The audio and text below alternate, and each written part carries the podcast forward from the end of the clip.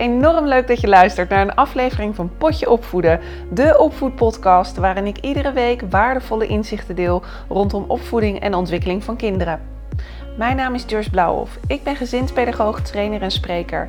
En ik neem ouders en pedagogisch professionals mee in de zoektocht en de avonturen rondom opvoeden.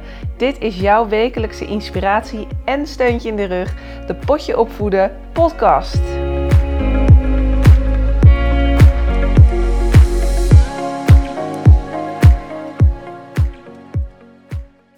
Hey, ontzettend leuk dat je luistert naar mijn eerste aflevering van Potje Opvoeden. Je snapt waarom ik het potje opvoeden heb genoemd. Potje met D-J-E. Maar ook omdat ik in dit seizoen, ik ben van plan om één seizoen te maken. En te kijken hoe ik het ervaar. En ook wat jullie reacties erop zijn natuurlijk. Van ongeveer 10 afleveringen te maken. En een potje omdat ik allerlei pedagogische onderwerpen ga behandelen. Van dwarsgedrag, daar gaat het vandaag over. Tot aan zelfregulatie bij kinderen. Ik wil een podcast maken over zindelijkheid en over hechting. Ik wil ook deskundigen interviewen. Dus weet dat ik allerlei onderwerpen ga behandelen. En natuurlijk, als jij een verzoek hebt of een vraag, wees zo vrij om mij op te zoeken via mijn social media kanalen, Joyce Blauwhof. Via Instagram kan je me een persoonlijk berichtje sturen. Je kan me ook mailen. Nu is het zo dat wanneer ik deze podcast opneem, gaat mijn bedrijfsnaam veranderen over ongeveer twee weken. Mijn bedrijf heette altijd JB Expertise. Dit is jaar 11 dat ik mijn eigen bedrijf heb. Maar ik verandert dit jaar 2021 naar gewoon J. Blauwhof, pedagogische training en advies. Waarom? Dat ga ik nog een keer in een andere podcast uitleggen. Ik denk dat het een mooi onderwerp is voor een ander keertje. De podcast wil ik altijd ongeveer rond de 30, 40 minuten doen. Maar hey, als ik wat uitloop en het is interessant, we zullen wel zien wat het brengt. Want je moet weten, dit is voor mij de eerste keer. Ik zit hier in mijn kantoor achter mijn laptop met een microfoon. En het is ook een beetje gek, want ik praat gewoon hier in de microfoon terwijl ik jou helemaal niet zie. Afgelopen jaar, 2020, is natuurlijk een bijzonder jaar voor ons allen geweest. Je moet weten, mijn agenda zat bommetje vol met trainingen geven door heel Nederland. Dat is iets wat ik inmiddels dus al ruim 10 jaar doe. Met ontzettend veel plezier. En ineens was het corona kwam er en de lockdown. En toen was het van, oh, en wat nu? Nou, ik ben vrij snel geschakeld naar online trainingen geven en webinars, maar ook masterclasses. Ik heb op individuele inschrijving uh, ruim 100 mensen een uh, masterclass voor mogen geven. Omgaan met weerstand bij kinderen. En het is tijd voor iets nieuws. Ik voel heel erg dat 2021 een jaar gaat zijn sowieso van verandering. Ik weet niet hoe het met jou is, maar ik voel gewoon ja, dat dit jaar anders gaat zijn dan anders. En ik heb iets nieuws nodig. En dit is een project waarvan ik weer kriebels krijg. Waarbij ik dit natuurlijk maak voor jou. Om jouw pedagogische kennis naar de next level te brengen. En dat doe ik voor pedagogische professionals, maar ook voor ouders. Dus voor iedereen die het gewoon leuk vindt om meer kennis te krijgen rondom opvoeding en ontwikkeling van kinderen. Maar ik doe dat ook vooral voor mezelf. Want ik vind het ook leuk om me weer extra te verdiepen in uh, theorie omtrent zindelijkheid. Of bijvoorbeeld een ervaring, een docent van de universiteit waar ik mijn opleiding of studie heb gedaan, gezinspedagogiek, om die uit te nodigen in deze podcast. Om met elkaar te gaan praten over hechting. Nou, je snapt heel veel verschillende onderwerpen en ik leer er dus zelf ook heel veel van. Dat maakt dat ik eh, deze eerste aflevering wil gaan hebben over dwarsgedrag. Want ik merk toch onder pedagogische professionals, maar ook onder ouders, dat dat een onderwerp is wat leeft. Omgaan met dwarsgedrag bij kinderen is pittig en knap lastig, laten we wel wezen. Ik heb een zoontje, Tijn. Over een maand is hij anderhalf. En ik denk dat de peuterpuberteit wat vervroegd is ingetreden. En de kleine man die, uh, ja, die zegt op veel dingen nu nee. Hij is echt zijn eigen wil aan het ontdekken. En nu, vier dagen geleden, werd hij na zijn middagslaapje wakker. En nou, er was geen land met hem te bezeilen. Ik denk dat hij echt wel bij elkaar een half uur gehuild heeft. Hij wilde niet bij me zijn, maar hij wilde ook niet losgelaten worden. Hij wilde vervolgens toch wel weer opgetild worden, maar toch eigenlijk ook weer niet. Water wilde hij wel, maar toch uiteindelijk ook weer niet. Met andere woorden, een half uur was het gewoon wel echt even dat hij in de weerstand zat. Ik ervaar dan zelf ook. Ik heb veel kinderen opgevoed. Van een psychiatrisch, psychotherapeutisch centrum met kinderen met autisme. Tot aan ook op het kinderdagverblijf. Ik heb zelf op de groep gestaan als 19-jarige. Ik merk ook hoe knap lastig het af en toe is. En dat je als volwassene vooral geconfronteerd wordt met je eigen gevoelens. Het is ook welkom bij de club, hè? Want iedere opvoeder komt weerstand tegen. Weerstand bij kinderen, dwars omgaan met dwarsgedrag hoort er gewoon bij. En dat kan allerlei oorzaken hebben. Het kan in dit geval bijvoorbeeld met Tijn zijn, maar dat was misschien wel niet de oorzaak. Die identiteitsontwikkeling die gaande is. Maar je hebt natuurlijk ook kinderen waarvan dit een manier is om om te gaan met prikkels. Of juist de nabijheid met een betrouwbare volwassene te vergroten, ondanks dat de interactie negatief is. Het kan zijn dat er in de thuissituatie wat gebeurd is. Het kan zijn, nou in dit geval misschien met Tijn, dat hij niet lekker had geslapen, een droom had gehad. Of dat er zelfs een kledinglabel in zijn nek zit te kriebelen. Nou, als je een kind hebt die prikkelgevoelig is, kan dat dus al reden zijn om zich dwars te gedragen. Dus het is voor ons volwassenen belangrijk om goed te luisteren en te kijken naar het kind. Het kind doet niet expres lastig, maar heeft het lastig. En dat is natuurlijk totaal iets anders. Wat je ziet is kinderen die regelmatig dwarsgedrag vertonen gevoelig zijn voor oordelen. Het is dan belangrijk om niet boos te worden, omdat dit vaak de situatie verergert. Dat zorgt voor afstand, terwijl je eigenlijk juist verbinding wilt aangaan, zodat een kind in staat wordt gesteld om emoties te verwerken. Want stel je nou voor dat je op het moment dat een kind zich dwars gedraagt, volledig de strijd aangaat, dan snap je dat ja, het uiteindelijk escaleert. En dat is niet de oplossing tot het omgaan of het leren omgaan met emoties. Het is mooi als je het kind kan laten voelen. Het is oké. Jij mag zijn wie je bent. Ook al vind ik het nu bloedje irritant dat jij een half uur dwars bent en ik vind het leuk om naar buiten toe te gaan, want ik heb de hele dag al binnen gezeten. Dat zegt mijn volwassen brein, maar dat zijn mijn behoeften. Het is vervolgens belangrijk om te laten blijken, emoties mogen er zijn. Ik weet niet hoe het met jou is, maar ik ben opgevoed toch wel dat ik niet boos mocht zijn of niet te langer tijd. Ik heb daardoor ook best wel moeite gehad in mijn leven om boos te worden op mensen. Om echt mijn boosheid te laten zien.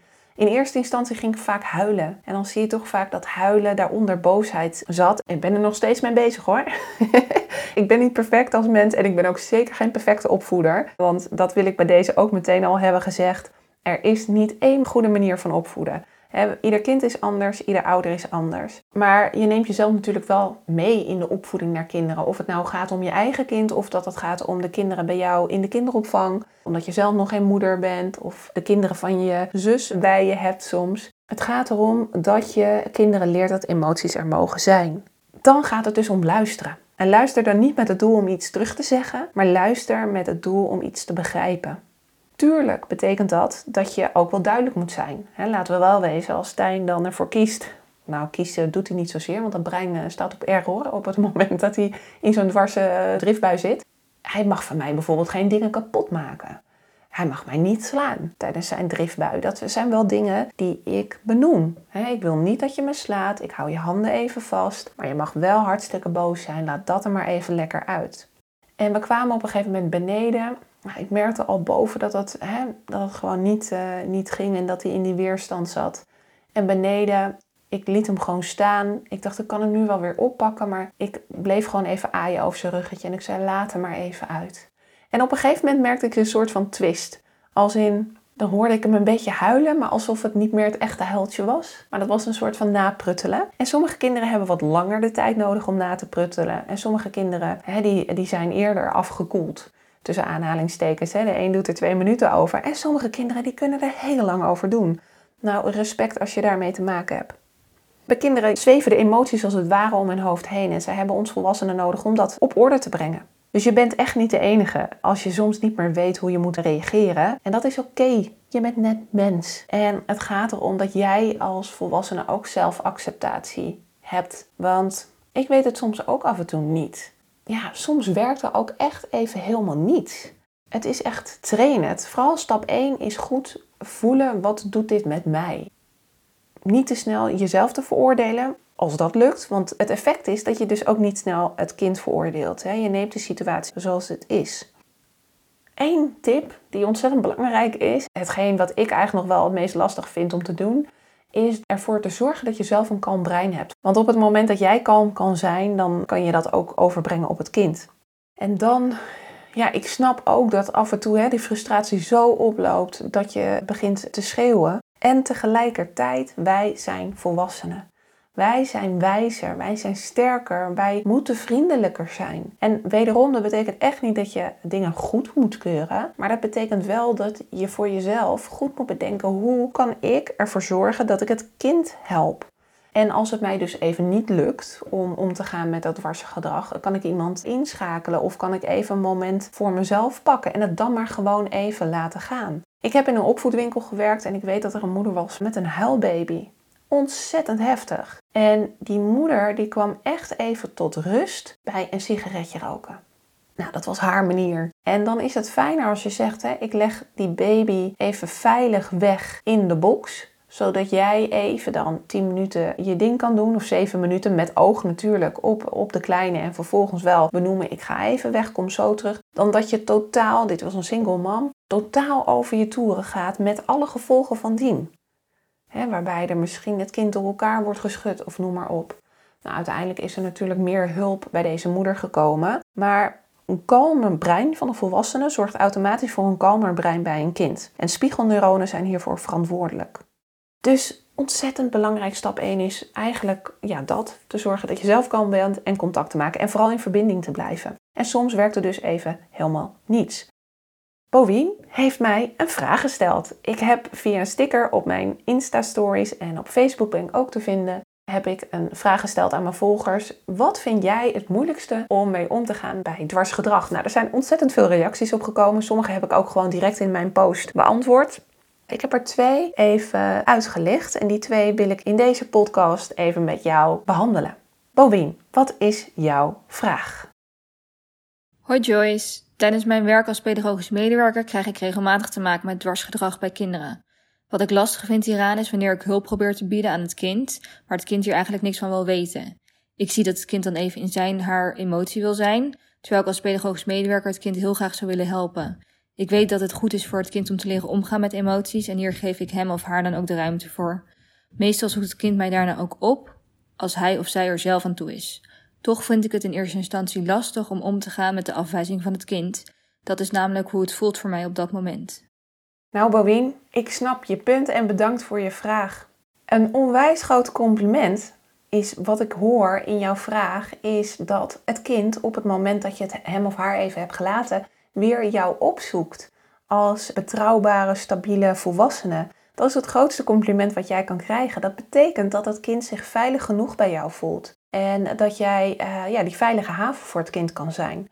En ik snap ook dat je je afgewezen voelt. En dat is wel goed om te bedenken, wat zegt dat over mij? Want op het moment dat een kind zich dwars gedraagt, geef je voldoende de ruimte om emoties te uiten. Dat is super fijn. En ik denk dat het goed is om bij jezelf op te merken wat dat gevoel je geeft. Nou, je zegt eigenlijk al van het geeft mij een. Uh, ja, ik kan er eigenlijk niet zoveel aan doen. Ik voel me wat persoonlijk aangesproken. Het kan je bijvoorbeeld bezorgd maken over, oh, ga ik dit wel oplossen? Of ik moet het oplossen omdat ik pedagogisch professional ben en ik moet toch weten hoe ik om moet gaan met dat dwarse gedrag. Of ik voel me eigenlijk buitengesloten, uitgesloten door het kind nu, omdat het niet mijn hulp accepteert. Ik voel me eigenlijk een beetje hopeloos of schuldig misschien wel of onbelangrijk. Ik denk dat het goed is om bij jezelf even op te merken wat voor gevoelens er bij je opkomen. En daarbij, het kind heeft het lastig en maakt het je niet lastig. Het is niet zo dat dit kind denkt, joh, laat ik eens even eh, me zo gedragen, omdat hè, ik de ander wil, uh, wil sarren.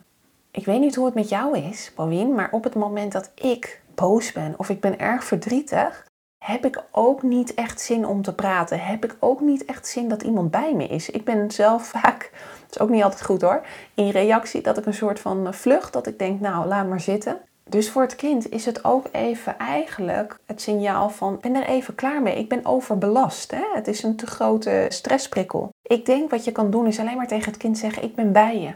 Ik blijf hier zitten. En je bent ontzettend boos. En ik blijf bij je. Laat hem maar even uit. En dan het gewoon weg er te laten zijn. Maar te voelen wat het met jou doet. Maar ook te voelen dat je je hart openzet. En dat je ja, met een roze bril ook nog kijkt naar het gedrag van het kind. Want deze stressreactie die het dan ook teweeg brengt, die moet er ook echt even uit. Het kind moet ontladen. En dat zegt wederom dus niks over jou, maar het is wel goed om even te voelen wat doet het met mij. En een van de dingen die je mogelijk ook zou kunnen doen, is kijken wat kan ik doen om dingen niet persoonlijk te nemen. Wat zou ik vandaag al kunnen doen om zaken niet persoonlijk te nemen? Nou, dan ben je dus dingen aan het doorbreken. Ik weet niet hoe dat is, maar wellicht, en dat kan jij bepalen, met name vrouwen, moet ik eerlijk zeggen, die kunnen dingen best wel heel snel persoonlijk nemen. Een opmerking die een vriendin maakt of hè, iets wat mijn collega zegt. Ik, als ik het even betrek op mezelf, Bovien, ik ben snel geneigd om eerst te kijken wat kan ik veranderen. Maar soms ligt het ook gewoon bij de ander. Dus soms is het ook iets van de ander. En door daar in je privéleven mee te oefenen, kan je misschien mogelijk dingen nog meer laten bij de ander. En je laat het bij het kind, maar je bent er natuurlijk wel. Je bent en blijft die boekensteun voor het kind door te zeggen: Ik blijf hier zitten, ik ga niet weg. Op het moment dat je rustiger wordt, weet dat ik hier voor je ben. Of als je me nodig hebt, dan is het dus even laten zijn. Ik hoop dat je er wat aan hebt, Boeing. Laat me in ieder geval weten wat je van deze eerste aflevering van de podcast vond. Want dat vind ik natuurlijk heel gaaf om te horen van je. Nou, Tamara was ook zo attent om haar vraag even in te spreken. Mijn vraag over het omgaan met dwarsgedrag voor kinderen is: wanneer geef je toe en hoe lang hou je vol? Hoe lang hou je vol of wanneer geef je toe? Ik denk dat het goed is vooraf te bedenken wat is mijn doel. Om een voorbeeld te geven, Tijn die verlangt af en toe naar zijn speen, vindt hij ontzettend fijn. En ik merk dat dat vooral aan het einde van de dag is. En soms denk ik, joh, dat is oké. Maar ik moet je eerlijk zeggen, eigenlijk sinds twee, drie weken hebben we toch wel afgesproken dat de speen echt alleen voor het slapen is. En dat vindt hij niet leuk. Hij weet waar de spenen liggen, in het kastje. Ja, dan is echt even de vraag, hoe lang zet ik door en ga ik nu toegeven? Mijn doel is dat hij leert dat hij de speen alleen krijgt als hij slaapt. Dus niet wanneer hij verdrietig is of wat dan ook. Hè, dan ben ik er. Die emoties mogen er ook gewoon zijn. Ik vind, ja, door hem een speen te geven, vind ik het. Maar dat is een persoonlijke mening, wederom. Hè, dit is überhaupt hoe ik het zie. Is het letterlijk een stop in zijn mond te zetten van laat het er maar uit. Het mag er zijn. Dat moment kan je vertellen, Tamara, was heftig. Als in, dan weet ik dat er een dwars bij komt. En daar moet je dan echt even doorheen. Omdat ik bedenk, ja, maar dit is uiteindelijk het lange termijn doel. Dus hoe lang moet je blijven volhouden en wanneer geef je toe? Bepaal voor jezelf heel goed wat je doel is. Want je snapt zelf ook dat op het moment dat je zegt nee, je mag niet die speen en je gaat er doorheen en je gaat er doorheen, 10 minuten gaan voorbij en vervolgens denk je, ah oh shit man, ik ben er zo klaar mee, ik wil nu koken of oh, ik kan er niet meer tegen, oké, hier heb je de speen. Dan snap je wat hij geleerd heeft.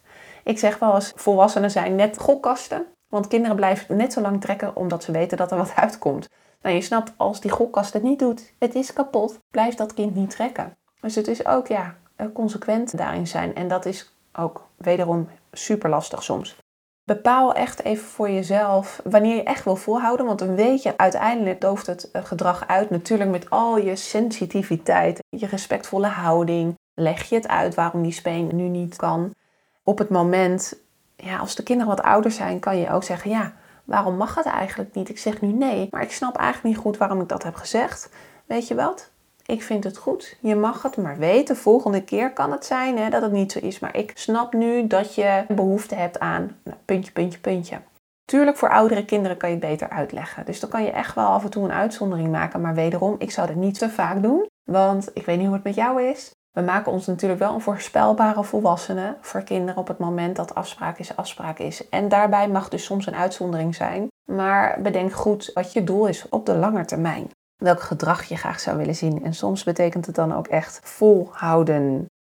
Nou, ik hoop dat jullie deze podcast leuk hebben gevonden. De eerste aflevering. En ik wens jou eh, een ontzettend goede week toe. Volgende week weer een nieuwe. Nou, ik wil je ontzettend bedanken voor het luisteren. Super gaaf dat je dit hebt geluisterd. Hoi! Hey, wat ontzettend leuk dat je hebt geluisterd. Bedankt daarvoor. Nog een paar dingen die ik graag met je wil delen.